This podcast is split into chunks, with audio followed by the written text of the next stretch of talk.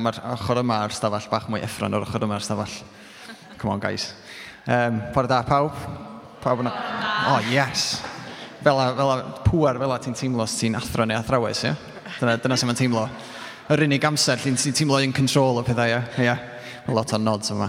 Bore da pawb, gobeithio bod pawb yn iawn, um, gobeithio bod pawb yn mwynhau y penwythnos braf, da ni'n cael, um, mae'n lyflu dydy dod at yn gilydd eto, ar fore syl, diwedd wythnos, dechrau wythnos, be bynnag da chi eisiau cyfri fo fel, a just, um, just addoli efo'n gilydd a dyna da ni am wneud bore yma. Um, mae yna griw reit fach yn y capel, achos bod hi'n wylio am y siŵr y pobl i ffwrdd, os da chi i ffwrdd ac yn gwylio, helo, gobeithio bod chi'n joio'ch gwylio, meddyliwch amdano ni lle fyna gyda chi. Um, a os da chi'n gwylio adre fel arfer, croeso cynnes hefyd. Um, So fydden ni'n clywed um, gan, gan dad, nhw'n edrych ymlaen arwel i chi. Um, peidiwch â gael o'n dad, fysa yna weird.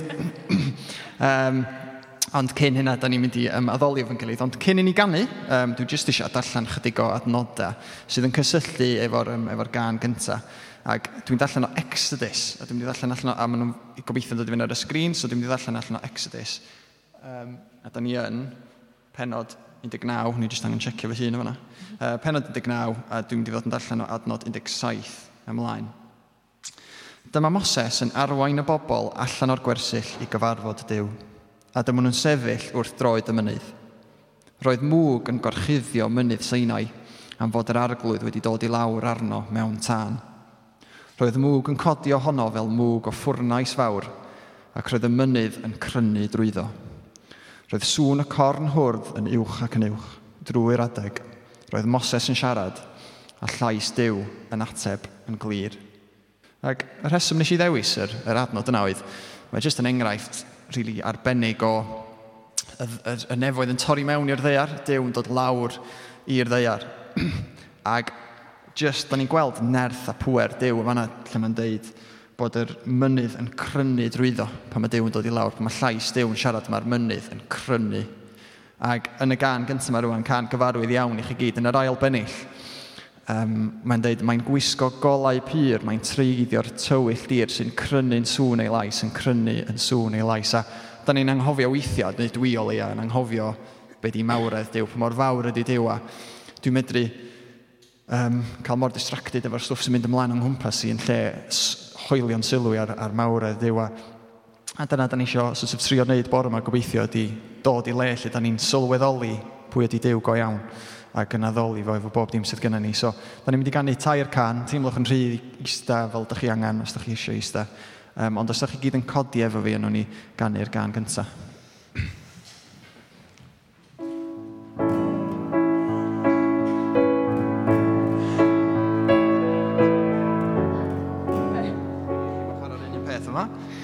Um,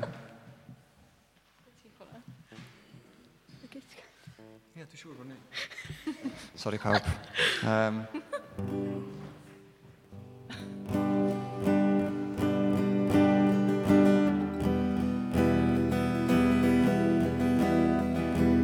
Bach o technical difficulty. Be? Cute, ie. Sorry pawb. Pause, pause, pause for effect. Um, Are we in the key of G? Dan. Yes. Yeah. Okay. Da ni ddim yn chwarae'r un peth. Da ni ddim yn chwarae'r un peth. Na. Ti di mynd yn ôl lawr? Boi fi, sorry. Sorry pawb, sorry pawb. Reita. To be, cyn i ni ddechrau, dwi jyst yn mynd i gweddio, actually. Achos oedd hwnna'n disaster. O ddew, da ni diolch i ti bod ni'n cael cyfle i ddod o dy flaen di bore yma, a does yna moch sut mae yr cerddoriaeth yn mynd, sut mae, um, os di pethau'n fler, um, da ni'n medru dod at ti yn yn flerwch, um, os di hwnna'n flerwch efo'r cerddoriaeth, os di hwnna'n flerwch yn calon ni ar hyn o bryd, da ni'n diolch i ti bod ni'n cael dod at ti fel, fel ydyn ni. So ni di baratoi'n calonau ni rwan, helpa ni hoelio'n sylw um, arna ti, helpa ni i sylweddoli'r hyn sgen ti ar ein cyfer ni. Um, da ni'n gwyddio hyn yn enw pwerus Iesu. Amen take two. Yes. Ddylswn ni just cancelo'r gwasanaeth, dechrau eto, diolch byth i digwydd na. Iawn, let's go. Okay.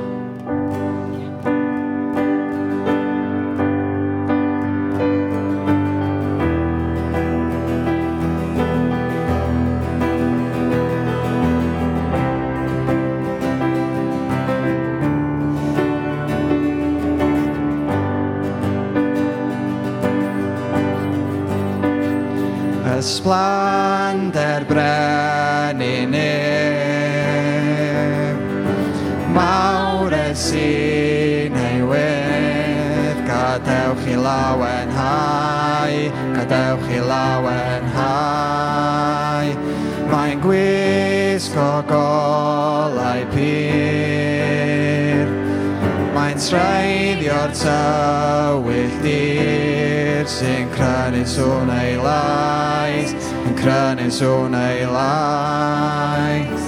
Mor fawr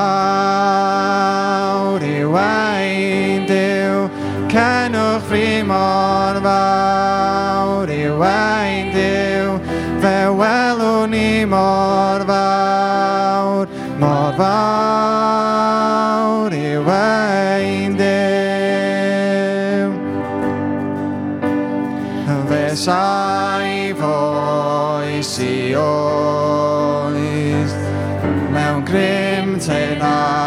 Glas yn ddoeth o'r dechrau a hyd byth, o'r dechrau a hyd byth. Yn drin dod def yw'r tad, yma mab ysbryd glan, y llew ar oen yn un, y llew ar oen yn un. Mor fawr yw ein, Cenwch ni mor fawr i wain diw fe welwn ni mor fawr, mor fawr i wain diw Mor fawr. Mor fawr i wain diw Cenwch ni mor fawr i wain diw fe welwn ni mor fawr, mor fawr i weld.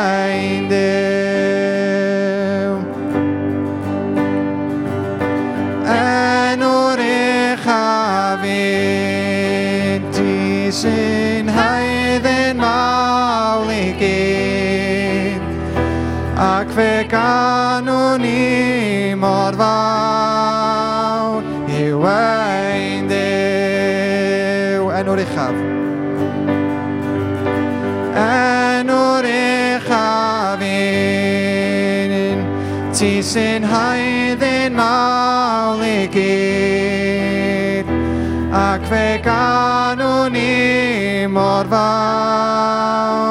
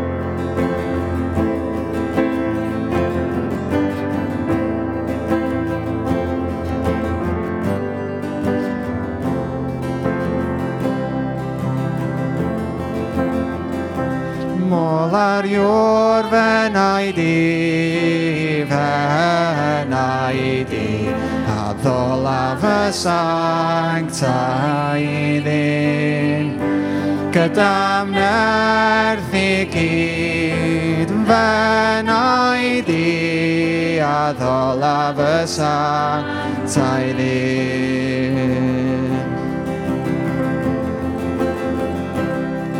Fe gwyd yr hael diwrnod newydd wawr iawn, Mae'n amser canu dy gan o ddew, beth bynnag a ddaw, yr hyn fydd ar fy llwy byr. Rho'r as i ganu wrth i'r machlid o'n.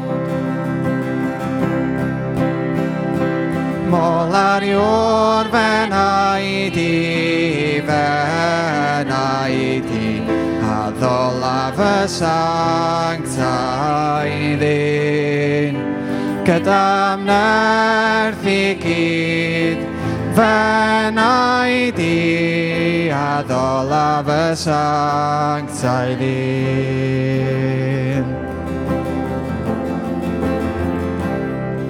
O gyfoedd gras a llid mor arall, o enw mawr a thyner o chael, dy holl ddaion i rwyf am fyw i ddfoli. Mae deng mil achos yn fy nghymell mlaen. Mol ar iwn fenna i di, fenna i di olaf y sanctau ddyn. Gydam nerth i gyd Fenai di a ddolaf y sanctaidd ddyn. Pan ddaw y dydd pan fo nerth yn pallu y diwedd aw boi mewn hen neu fraw fy enau da gan y dyfoliant di derfyn. Mil blwydd ac am bydd ger dyfron Mol ar iwrdd fenau di fer fy sanctaidd ddi Gyda mnerth i gyd, fy naid a ddola fy sanctaidd ddi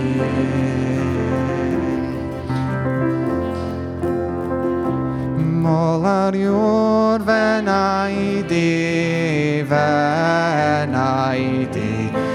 a fy sancta i ddyn.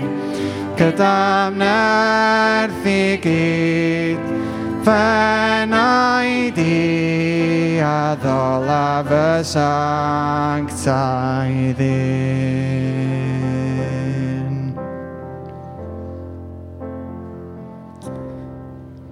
Ia, o ddiw, dyna da ni isio um, wneud bore yma. Da ni isio a ddol i ti efo nerth i gyd. Da ni eisiau rhoi bob dim sydd gennym ni i ti. Os da ni'n teimlo bore yma bod gennym ni ddim lot i roi, da ni eisiau rhoi hwnna i ti. Os da ni'n teimlo bod gennym ni lot o ddi i ddiolch am, da ni eisiau rhoi hwnna i gyd i ti hefyd. Um, neud i wneud ni yn, yn bobl diolchgar, neud i wneud ni'n bobl sy'n sylweddoli gymaint da ni'n gael yn bendeithio gan ti.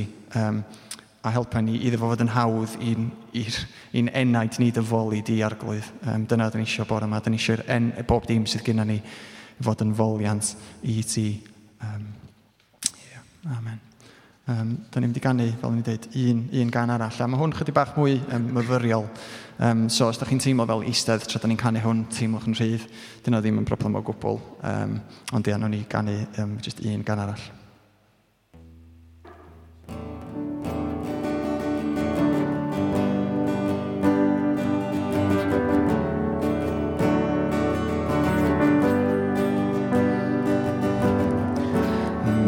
Mae yna o'r sefri.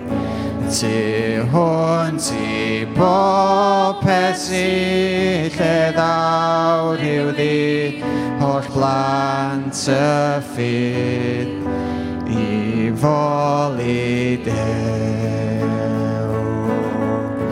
I'r mafe gan o'n gan Yr oed sy'n pyr o'n lan a ddewyd gras i'r hau a gred ein prynwr yw. Gwiwch floeddio lleisiau'r nef ei moliant iddo efad sy'n I'r glod rwylesoedd pyr Gan lenwyr nen Gogonian sgrym a chlod A nerth a diolch fo un har Gwybyw ei dair nas wyw ben.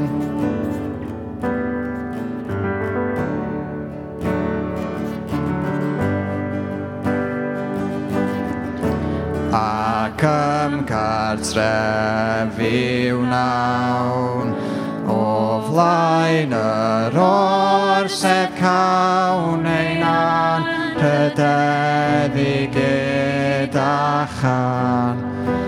O gael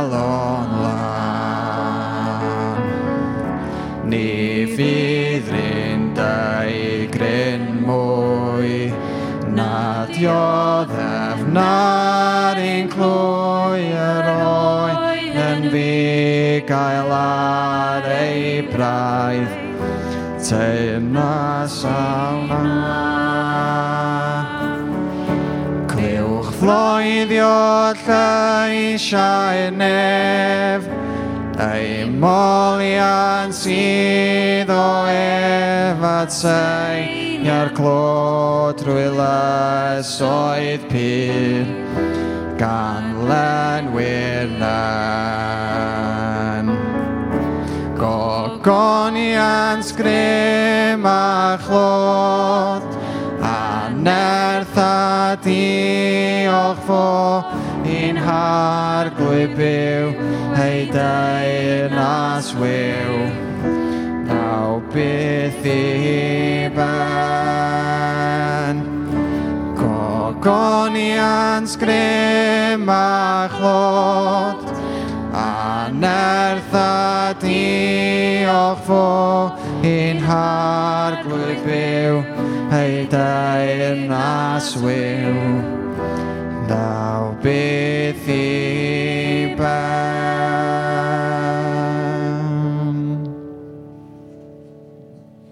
Ia Dyw, da ni'n diolch i ti bod ni'n addoli Dyw bore yma lle dydy deyrnas o byth yn dod i ben. Da ni'n gweld teirnasoedd a, a pwera yn y byd yma yn codi ac yn disgyn. Ond Dyw, da ni'n dod at, dy, da ni dod at ti bore yma. Dyw sy'n teirnasu a fydd yn teirnasu am dragwyddoldeb. Um, ti'n ddiw sydd llawn grym. Ti'n ddiw sydd llawn gogoniant. Ti'n ddiw sy'n heiddi ein clod ni. Um, So diolch i ti am dy bresenoldeb di yma bore yma. Ni di barhau i siarad efo ni um, trwy'r neges. Um, ni di jyst wneud y hun yn amlwg i ni arglwydd. Um, amen. Amen. Cymwch seth.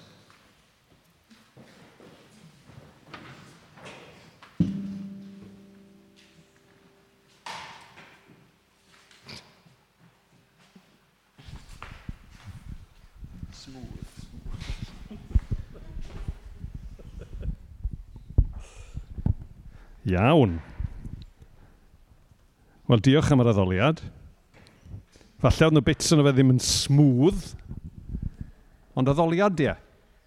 A dyn ni'n dod o flaen diw fel ydyn ni. So, dyn ni'n werthfarogol o'r fraint yn ni ac yn diolch iddo fe.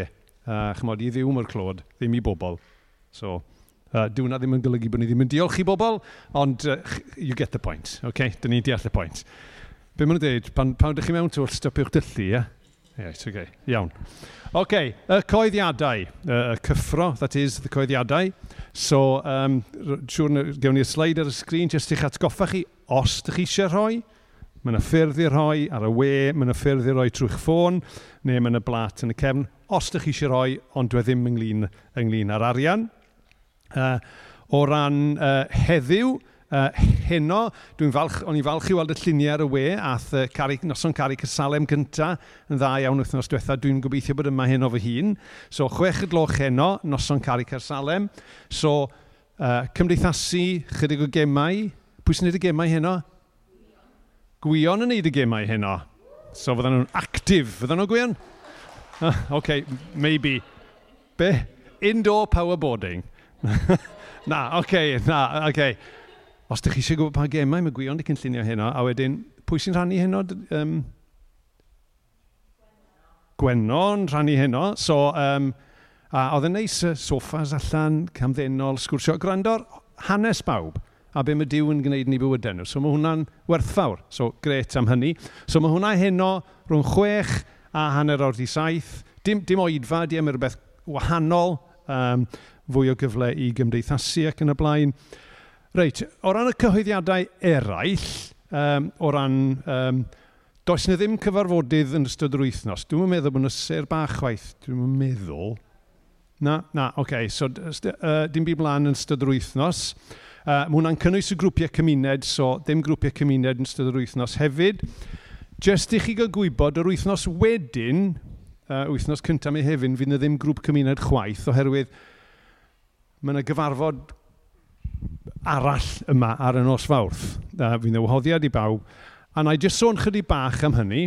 Um, uh, mae rhai o'n chi'n abod Anna, merch Magi, a trwy pwyllgo llanw mae Anna'n trefnu am cyfnod o weddi uh, yr wythnos cyntaf y cyflawn y mehefin. Fydd yna rhywbeth ar Zoom ar y nos lun yn, yn dod o Gaerdydd, ond byddwn ni'n cysylltio unrhyw le. A wedyn ar nos fawrth, fydd yna amser o weddi ac addoliad yma yng Nghyrsalem, fydd hefyd yn cael ei i ddarlledu uh, i rai sy'n methu bod yma. So fydd hwnna'n lle'r grwpiau cymuned uh, wythnos nesaf. Sil nesaf fydd Rhys yn ôl wyliau a Rhys fydd yn pregethu. A dwi'n meddwl bod na unrhyw... Dwi'n edrych yng nghwmpas... Os neu unrhyw un yn gwybod am rhywbeth arall y dylwn ni fod yn cyhoeddi, neb yn awgrymu dim byd, so dyna ni. Reit, so i'r um, blant sydd yma, sydd yn mynd lawr i'r uh, festri efo lowri, a nawr di'r amser i fynd. Ond, newn ni wyddio gyntaf. Sori, sori, dyna ti gen. Reit, oce, okay, dewch i ni wyddio.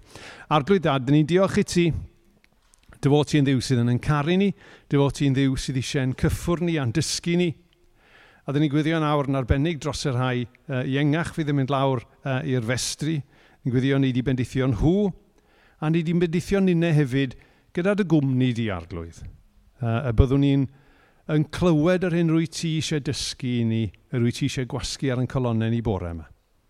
Felly, bendithia uh, ni oll a tyn ni gyd yn nes at ti. Amen. Iawn. Gret. So, newn ni oedi am funud bach.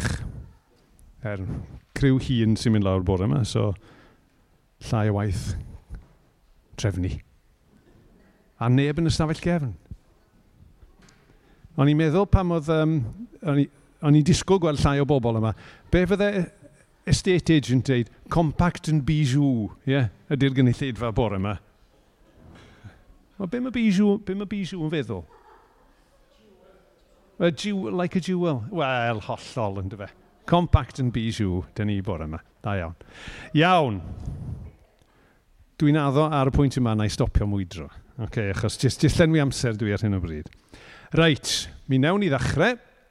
A, a newn ni ddechrau efo y darlleniad, os gewn ni'r darlleniad i fyny ar y sgrin. A heddiw, dyn ni'n troi at llyfr yr actau. Benod gynta, adnodau 6 i 11. Pan oedd y disgyblion yn cyfarfod gyda Iesu, roedden nhw'n gofyn iddo hyd. Arglwydd, Ai dyma pryd rwy ti'n mynd i ryddhau Israel a'i gwneud yn wlad annibynnol unwaith eto? Hwna werth nodi'r cwestiwn yna, dydy. E? Ateb Iesu oedd, Dyw sy'n penderfynu pethau felly.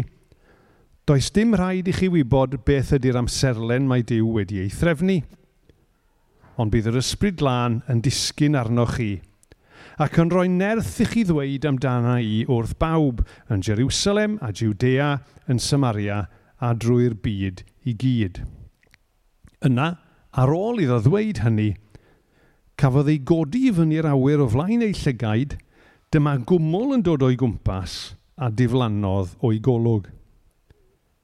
Tra oedden nhw'n syllu'r awyr yn edrych arno'n mynd yn sydyn dyma ddau ddyn mewn dillad gwyn yn ymddangos wrth ei hymyl nhw a dweud, chi, Galileaid, be ydych chi'n ei wneud yma yn syllu i'r awyr? Mae Iesu wedi cael ei gymryd i'r nefoedd o ddiwrthoch chi.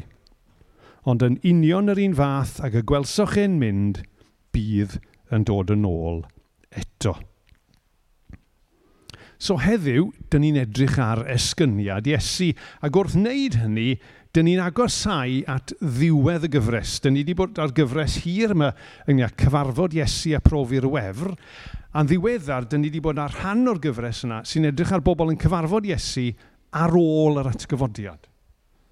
A mae hwn yn un o'r, wel, mae digwyddiad ola a deud y gwir, yn dydi tro ola Iesu wedi atgyfodi gyfarfod ar disgyblion. A mae'r stori wedi cael ei sgwennu mewn dau le. Mae wedi cael ei sgwennu ar ddiwedd efengil lyc, ac ar ddechrau llyfr yr actau. A wrth gwrs, Leek sydd wedi sgwennu'r ddau, a mae rhyw fath o bont rhwng y ddau, ddwy gyfrol yn dydy, chi'n gwybod?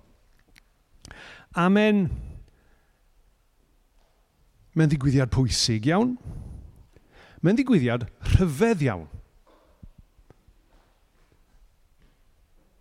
A dwi'n yn gwybod os nanoch chi, o'n i'n meddwl wrth i fi bianod, dwi ddim yn siŵr faint o droion dwi wedi clywed pobl yn pregethu ar yr esgyniad – A mae rhaid i fi gyfaddau i chi pan ath yr hester allan efo'r testunau a esgyniad Iesu arwel, o'n i ddim exactly'n thrilled.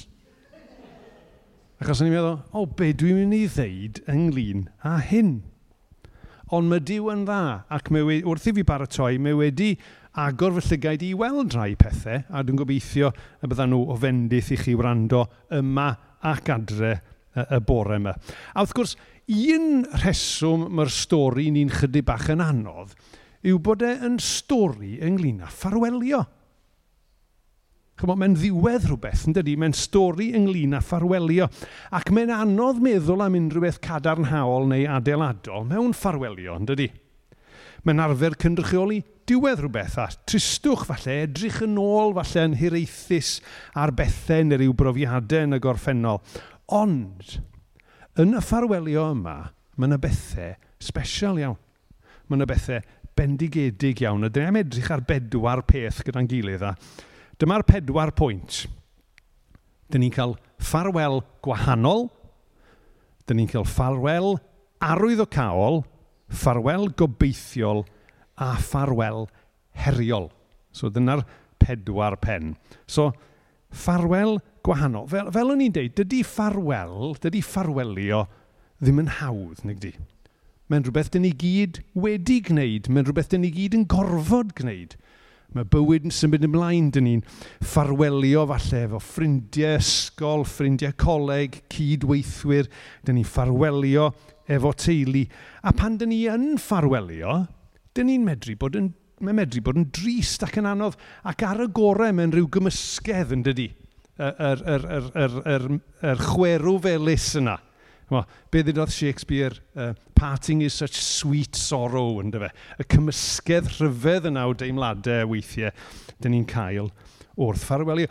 A weithiau, wrth gwrs, dyn ni'n ni, ni paratoi ar gyfer ffarwelio. Os dyn ni'n gwybod bod rhywun yn symud neu bod rhywun yn mynd i le gwahanol, dyn ni'n paratoi ar ei gyfer e Dwi wedi, cael, dwi wedi cael llwyth o fwynhad dros y blynyddoedd, dangos yn oedran i arno. Dwi wedi bod i lot o bartis ymddeol, chi'n gwybod? A dych chi'n hel lluniau, a dych chi'n meddwl ni ar amser a gawsoch chi ac yn y blaen. Chyma, a dych chi'n gallu paratoi. Ond weithiau mae, mae pethau'n digwydd yn does. Mae ma rhywbeth yn mynd ar yn traws ni. Felly bod ni'n gweld rhywun un diwrnod a wedyn mae, mae nhw'n gofod mynd, mae yna swydd neu mae yna salwch neu beth bynnag. A dyn ni'n colli cyswllt efo pobl weithiau yn anisgwyl. Ond yn achos y ffarwelio yma, wrth gwrs, oedd Iesu wedi bod yn paratoi pobl. Oedd wedi deud sawl tro wrth ei ddisgyblion y bydde fe'n marw, ac yn yr ystyr hynny, roedd e wedi paratoi nhw, ond roedd e hefyd wedi sôn y bydde fe'n dod nôl yn fyw. Er enghraifft yn Iowan 14, mae'n sôn am y ffaith i fod e'n gadael a bod yr ysbryd glân yn dod ac mae'n deud amdano ei hun y bydd e yn mynd i ffwrdd a mae'n deud y bydd e yn mynd at y tad. Ond mae hwn yn ffarwel gwahanol a dyn ni'n gweld hynny yn ymateb y disgyblion. Chymod, dyn ni ffeindio ffarwelion anodd ac weithiau yn drist ac yn y blaen. Ond beth yw ymateb y disgyblion? Wel, os dyn ni'n troi i'r fersiwn o'r hanes sydd yn efengil lyc, dyn ni'n darllen y geiriau hyn. Cafodd ei gymryd i ffwrdd i'r nefoedd ac roedden nhw'n ei addoli. Wedyn, dyma nhw'n mynd yn ôl i Jerusalem yn llawen a threulio ei hamser i gyd yn y deml yn moli diw. Dyna ni gallu gweld felly bod nhw'n ffarwel gwahanol. Doedd e ddim yn ffarwel arferol. A un o'r ysymau am hynny yw bod yna arwyddocad iddo fe. Yr ail bwynt felly yw bod e'n ffarwel arwyddocawol. Fel dyn gweud, dyn ni medru edrych ar y digwyddiad rhyfedd yma. Dyn ni'n ni gwybod mae yna rhywbeth pwysig yn digwydd yn fan hyn. Ond beth yw'r pethau pwysig yna? beth yw'r pethau arwyddocaol yna. Yn gyntaf, mae Iesu mynd yn ôl at y tad.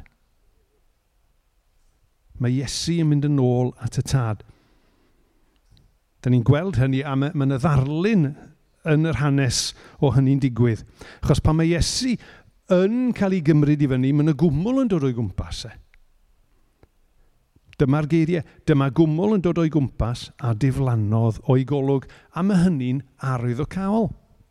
Mae mwg a cwmwl yn aml iawn yn y Beibl yn, yn ddarlun o bresenoldeb diw.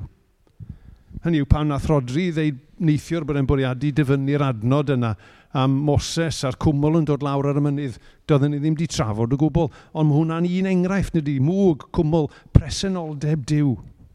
Mae'n arwydd y cael, achos mae'r cwmwl yn fan hyn yn ddarlun o bresenoldeb diw. Mae Iesu mynd yn ôl at y tad. Dyn ni'n gwybod yn dydyn yn yn pennau, mae Iesu, y tad a'r ysbryd lan yn dri yn un. Ond wrth gwrs, pan oedd e ar y ddeiar, ddath Iesu oedd i wrth y tad – A traw e ar y ddeir, oedd ei berthynas e a'r tad yn gorfod bod yn wahanol i'r undod perffaith yna oedd, oedd yn y nefoedd. Ac wrth gwrs ar y groes am yr unig dro, fe gafodd ei wahanu yn llwyr oddi wrth y tad. A dyn ni'n clywed geiriau ingol Iesu, fy niw, fy niw, pam wyt ti wedi troi dy gefn arna fi. Ond nawr, yn yr esgyniad, mae'n mynd yn ôl at y tad. A mae'r undod perffaith yna a gafodd ei golli yn cael ei adfer yn llwyr. Achos yn yr esgyniad, mae yna achos dathlu, achos mae'n dangos yr uno hynny yn glir iawn. Mae'r undod yna oedd mor boenus i Esu Grist ei golli yn awr wedi adfer. Mae'n nôl gyda'r tad. Yr ail elfen arwyddocaol yw fod e'n dangos bod y cyfnod yma o waith Iesu wedi dod i ben. Y cyfnod hynny o waith Dyw ar y ddeiar wedi ei gwblhau. Mae yna rhywbeth, dwi'n gwybod sydd ydych chi o gwmpas y tŷ ac yn ymlaen, ond mae yna rhywbeth boddhaol iawn mewn gorffen rhywbeth, yn does?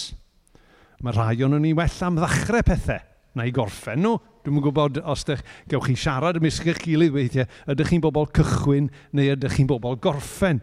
O mae yna rhywbeth bodhaol iawn am orffen job. Dyna ni'n ei weld e yn ein bywydau drwy'r dydd. Eto, dwi'n mwyn gwybod ydych chi'n fans, ydych chi'n...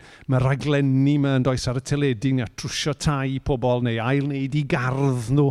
Chi'n gwybod? A dim yna lanast, a mae yna ma ma waith yn digwydd am yn orffen, a efo Nick Knowles, mae yna rhyw barti ar y diwedd yn does, chi'n gwybod lle mae pawb yn cael rhyw wydred bach a, a nibbles yn yr ardd a mae pawb yn hapus a mae'r mae, job di orffen.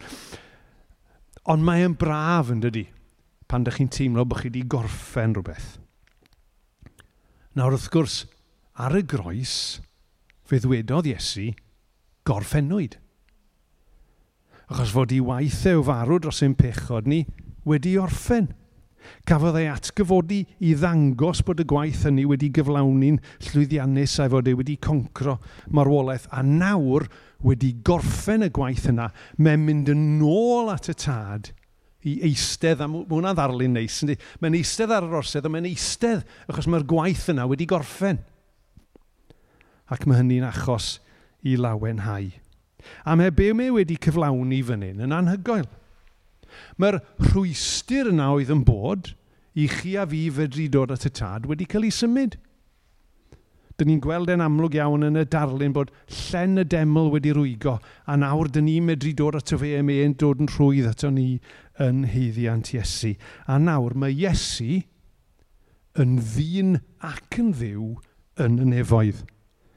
Mae Iesu yn esgyn at y tad yn cadarnhau bod hyn oll wedi digwydd. Ac felly mae'r esgyniad yn arwydd o cael, mae'n dangos yn glir bod yna rhywbeth wedi digwydd a bod rhywbeth wedi newid. Ac oherwydd hynny, mae'r ffarwel yma yn ffarwel gobeithiol.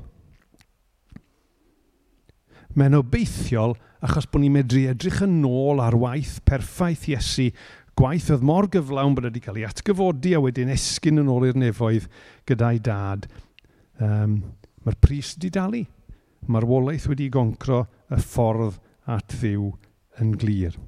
Ac wrth gwrs, dwi ddim yn sôn yn hir am un, ond na'i grybwyll e hefyd, mae hefyd yn obeithiol, achos mae'r angylion yn dweud wrth y disgyblion, y bydd Iesu yn dod yn ôl.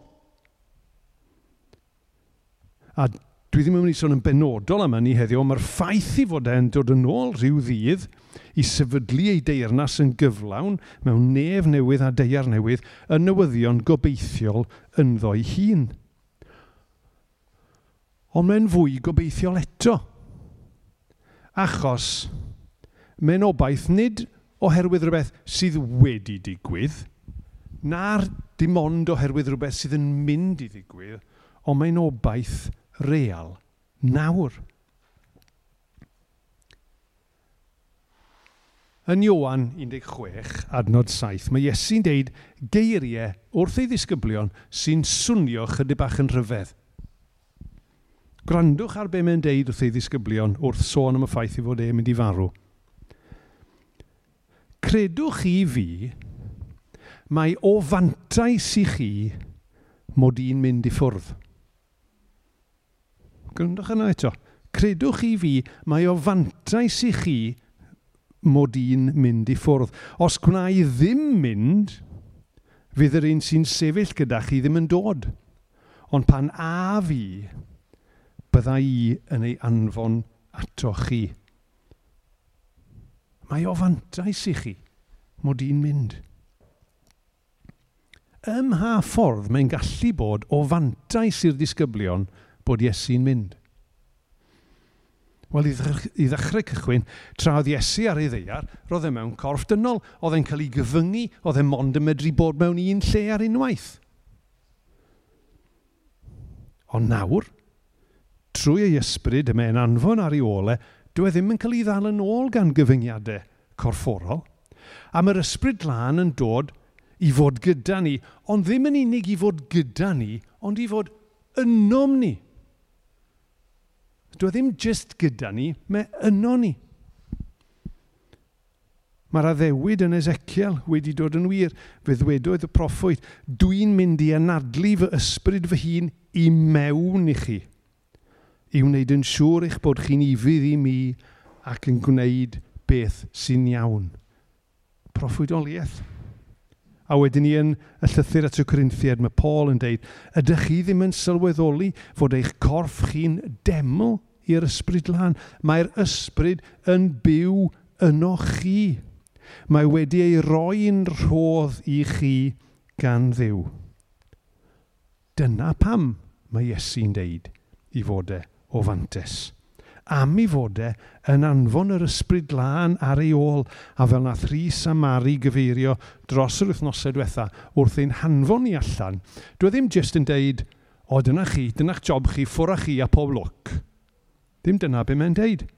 Mae'n deud, ie, dyma'ch job chi, ond dwi'n dod gyda chi. Dwi'n dod yno chi. A mae hwnna'n rhywbeth gobeithiol iawn. Ond wrth gwrs mae hefyd yn yn beth heriol iawn. A dyna'r pwynt ola. Mae'n ffarwel heriol. Mae'n gorffen trwy roi job o waith iddyn nhw ac yn unne hefyd fel i bobl. Ac nid job o waith bach ydy, e, y gwaith ydy dweud amdana i wrth bawb yn Jerusalem a Judea yn Samaria a drwy'r byd i gyd. Mae'n rhoi tasg anhygoel i'w ddilynwyr. I'r disgyblion cyntaf yma ac i ninne hefyd. I ddweud amdano wrth bawb. Ac mae hynny'n heriol. A meddyliwch pa mor heriol oedd e'r disgyblion cynnar mae'n heriol i ni. Ond dyn ni'n gweld hyd yn oed o'r darlleniad wnaethon ni, ond y gymaint oedden nhw ddim yn deall. Chi'n cofio eu cwestiwn nhw? Ai dyma'r adeg pa mae Israel yn mynd i ddod yn rhydd? oedden nhw wedi bod efo Iesu am flynyddoedd, oedden nhw wedi weld e ar ôl y fe atgyfodi, a doedden nhw dal ddim yn deall. Criw bach ohonyn nhw, heb lawer o addysg ffurfiol. Ond nhw sy'n cael, sy'n rhaid cynta i gael y dasg o fynd ar neges yna i'r byd. Nawr en, ydych chi erioed, ydych chi'n gallu meddwl am adeg pan oeddech chi angen anfon neges bwysig i rywun, neu uh, oeddech chi angen i rywun wneud rhywbeth pwysig drostoch chi. A ydych chi'n meddwl, mae hwn yn bwysig. I bwy dwi'n mynd i ymddiried y gwaith yma? A dyn ni'n meddwl, reit, dyn ni eisiau rhywun sy'n mynd i fod ar amser, dyn ni eisiau rhywun sy'n ddim yn mynd i ddrysu pethau. Chi'n bod, bob math o bethau fel yna, mynd trwy'n meddwl, pwy ydy'r person gorau i fynd a'r neges yna. A dyn ni'n meddwl am Iesu, a mae'n edrych ar ei ddisgyblionau, e? oedd wedi redig i ffwrdd, oedd wedi drysu, oedd ddim wedi deall, a mae'n rhoi'r job iddyn nhw. A'r cwestiwn dwi'n gofyn ydy, a fyddwn ni yn ymddiried rhywbeth felly i bobl fel fi? A pan dyn ni'n edrych yn cwmpas ni, a dyn ni'n gweld pobl eraill yn yn eglwysu ni, efo gwendidau a ffeileddau, ydyn ni'n meddwl weithiau, arglwydd, doedd hwnna ddim yn gynllun da. Alla si ddim di ffindio rhywun gwell. Mae bobl yma, dwi, yn mynd i ddrysu. Dwi'n mynd i wneud camgymeriadau, dwi'n mynd i wneud llanast o bethau. Siawns bod yna rhywun gwell i fynd ar neges. Ond nid dyna nath Iesu. Nath e roi'r gwaith yma i ddisgyblion am, fer, am herffaith oedd ddim hyd yn oed yn deall natur i deyrnasau e fel oedden ni'n gweld o'r cwestiwn yna. Ond mae cynllun diw yn un da. Mae cynllun diw yn un perffaith. Mae rhaid i fi gael, dwi wrth y modd yn cymryd dyfyniadau allan o'i cyd-destun a'i twistio nhw i siwtio beth dwi eisiau deud. So dwi'n mynd i wneud hynny nawr. Na re, dwi'n meddwl, ydych chi'n gyfarwydd ar llyfr uh, Tale of Two Cities, Charles Dickens. Be di'r lein bwysig? This was the best of times, this was the worst of times. A o'n i'n meddwl am, oedd y dyfyniad yn mynd rownd yn ymhenni, a dwi'n meddwl am gynllun diw yn gweithio drwy bobl wan a phailedig fel hyn, a dwi'n meddwl, this was the worst of plans, this was the best of plans. Achos mewn gwirionedd, pwy well sydd yna i fynd â neges o obaith i fyd sy'n llawn o bobl efo gwendidau a pheleddau na pobl sydd un fath â nhw. Na i ddeud na eto, pwy well sydd yna o fynd â neges o obaith i bobl sydd a gwendidau a ffeileddau na bobl sy'r un fath a nhw. Pwy ydy'r person gorau i rhannu gobaith? Wel, rhywun oedd angen gobaith ac sydd wedi cael hyd iddo. Fel udodd D.T. Niles, evangelism is just one beggar telling another beggar where to find bread. Achos chi'n gweld, os dwi'n mynd â neges o obaith i rywun, ond rhywsut yn rhoi'r argraff mod i'n well na nhw, neu yn wahanol iddyn nhw, dyn nhw ddim yn meddwl bod o gobaith iddyn nhw wedyn, nag dyn. Ond os dwi'n mynd â neges at rhywun a dweud, dwi'n ei fath chi. Ond ni'r un fath chi. Wrth ymddiried y gwaith, o rannu a dweud amdano e ei hun i bobl gwan fel chi a fi sy'n gwybod am reality pa mor anodd mae bywyd yn medru bod, mae Dyw yn dangos i fod e'n deall yr rhai sydd ei angen e. Mae'n deall sut maen nhw angen clywed a gan bwy maen nhw angen clywed. I ddyn ôl i'r dyfyniad na nes i dwistio, this was the best of plans, dyma'r ffordd gorau i wneud e a fwy na hynny hefyd, mae'n i'w wneud e'n hollol glir. Mae yn niw a nid yno ni y mae gobaith i'w gael. Y Paul yn deud yn ei ail ythyr y Twcyrinthiad, penod pedwar, dyma'r trysor y mae Dyw wedi ei roi i ni. Mae'n cael ei gario gyno ni sy'n ddim byd ond llestri pridd. Ffaith sy'n dangos mae o ddiw Mae'r grym anhygoel yma'n dod, dim ohonom ni. A mae hwnna'n rhywbeth i ni gofio trwy'r amser. Mae rhywbeth i ni gofio yn yr eglwys, mae rhywbeth i ni gofio yng Nghersalem. Chymo, mae'n hyfryd clywed pobl yn deud pan maen nhw'n dod i'n plith ni, bod nhw'n teimlo bod nhw'n groeso, dim condemniad ac Mae'n hyfryd clywed hynny. Ond mae rhaid ni gofio, chymo, os fyddwch chi yn yng i yn hir iawn, Fi ddim llawer o amser yn mynd heibio nes fyddai di wneud rhywbeth fyddwch chi ddim yn licio. Neu nes fyddai di'ch gadael chi lawr mewn rhyw ffordd. Achos dwi'n feidrol. A mae hynny'n medru digwydd mewn eglwys hefyd. Ond mi fedrwn ni ddeud yn sicr, os dyn ni yn wan, os dyn ni yn ffeiledig, os dyn ni yn gadael pobl lawr, dyn ni'n nabod un sydd ddim yr arglwydd ei hun. Y gwir obaith yw Iesu ei hun. Nid i bobl e fel y cyfrif, o mae'n gret bod ni'n cael rhan yn y gwaith, ond Iesu ei hun ydy'r gobaith hynny. A mae e'n ymddiried y gwaith hynny i bobl fel ni, ond wrth gwrs fel o'n i'n deud, nid ar yn pen yn hunain, ddim dweud swyr offa chi a gnewch eich gorau. Mae'n deud, bydd yr ysbryd lan yn disgyn arnoch chi ac yn rhoi nerth i chi i fedru gwneud y dasg yma. Ac wrth gwrs, dros y blynyddoedd, di, mae hynny wedi digwydd.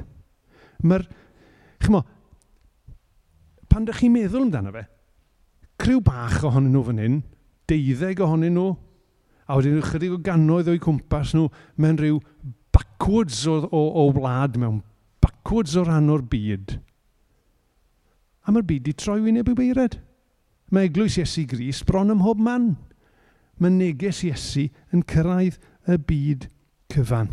Mae e wedi, chi'n gweld, cymryd pobl wan fel chi a fi, a wedi galluogi nhw trwy ei ysbryd i ddeud wrth bobl eraill am y gobaith yma. A dyna dyn ni'n gweld yn yr ysgyniad.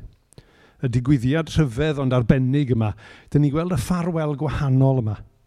Y ffarwel gwahanol sydd yn destyn llawenydd ac addoli. Dyn ni'n gweld yma den arwydd cael achos bod Iesu yn mynd nôl at y tad gyda'i waith wedi ei orffen yn llwyr a hynny yn rhoi gobaith i ni.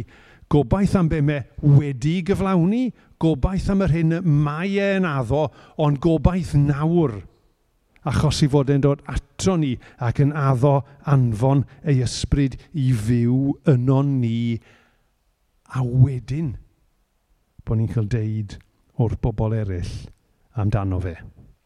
Dewch i ni weddio. Arglwydd, ni'n diolch i ti am yr hanes yma. Dyn ni'n diolch i ti am y gwirioneddau mawr amdano ni ac amdano ti sydd i'w glywed yn yr hanes yma. O arglwydd, helpa ni ryfeddu at dy fawredd di a dy di.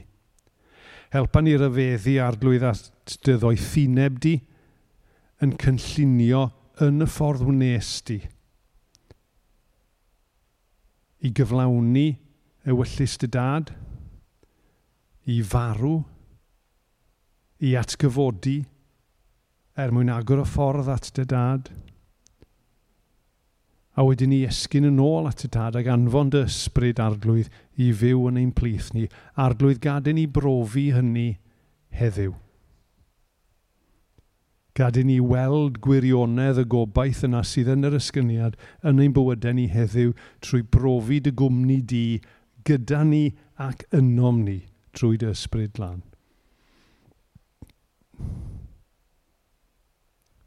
Diolch arglwydd yn bod ni'n cael yn atgoffa am bod ni'n dal i ddysgu. Diolch i ti arglwydd dy fod ti'n un sydd yn dyfal barhau gyda rhai gwan fel ni. Dyna ni eisiau rhoi'r clod a'r gogoniant i gyd i ti gan ddiolch arglwydd am y popeth wyt ti yn unw Iesu. Amen.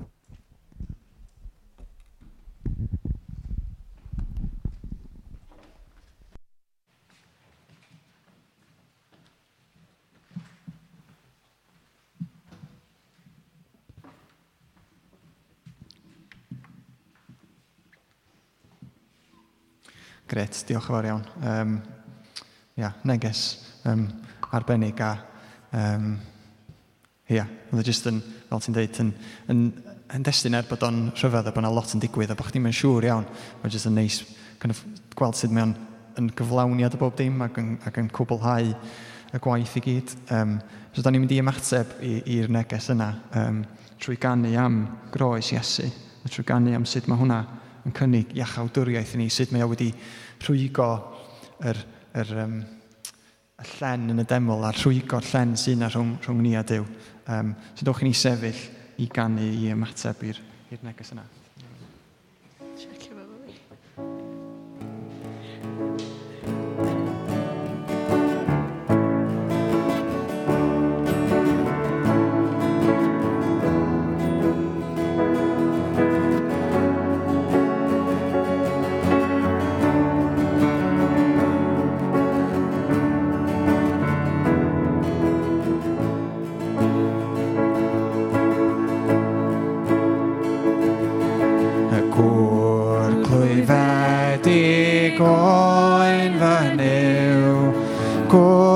gwrthod a digyn.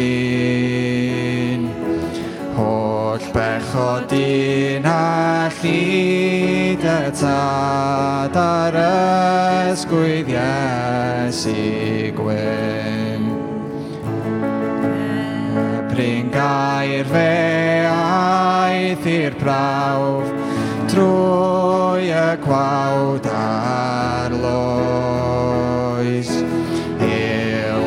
Ac llwyr i lwybr dew, dan goron rhain a chroes.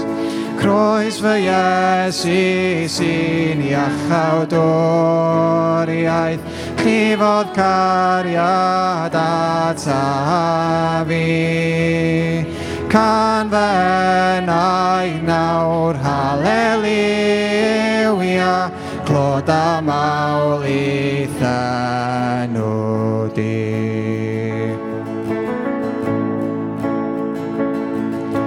Cenad nefoedd ma bytad prynwr sy'n rhyddhau Gwnaeth gymod llwyr dros ei ogyn dan hoelion llym fy mai.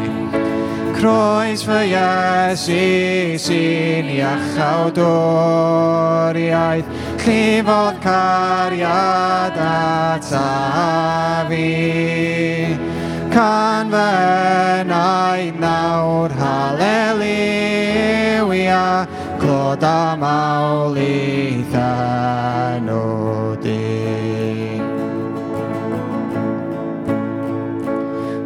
dim dyled mwy cafwyd saliad llawn.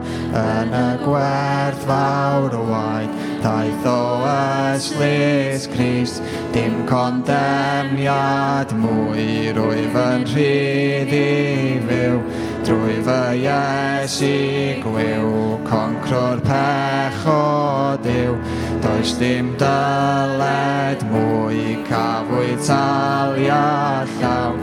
Yn y gwerth gwerthawr waith daeth o yslis Grist, dim condemniad mwy, drwy fy'n rhydd i fyw, drwy fy Iesu gwyw, concrwr pech o Dyw.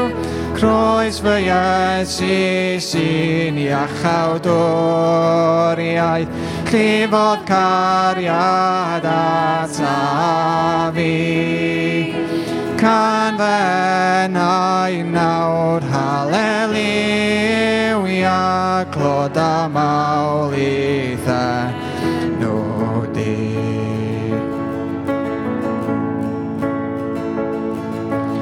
Το αίσθημα είναι Gebet, or grein deit kreigen will. Halleluja, molunim, korchva korang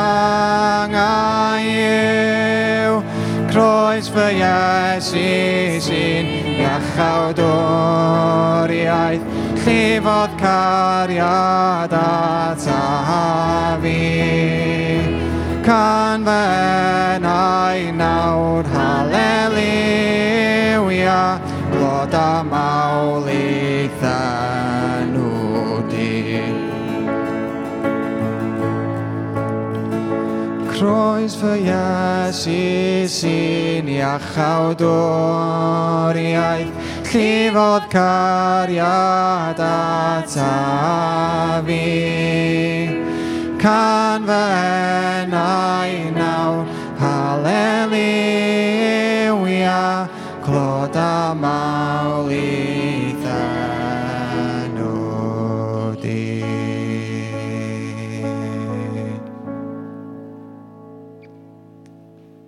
Ia, clod a mawl i ddenw di ar glwydd clod a mawl. Dyna'r oll, da ni'n medru rhoi clod a mawl. Da ni'n dod at ti fel ydyn ni, um, ond da ni jyst eisiau rhoi ein clod ni a'n mawl ni i ti. Um, dewch ni orffen trwy rhannu'r yr, er fendith um, efo'n gilydd. Gras ein harglwydd Iesu Grist a chariad Dyw a chymdeithas y ysbryd glân a fydd y gyda ni oll And our tongue, bist. Amen. Amen.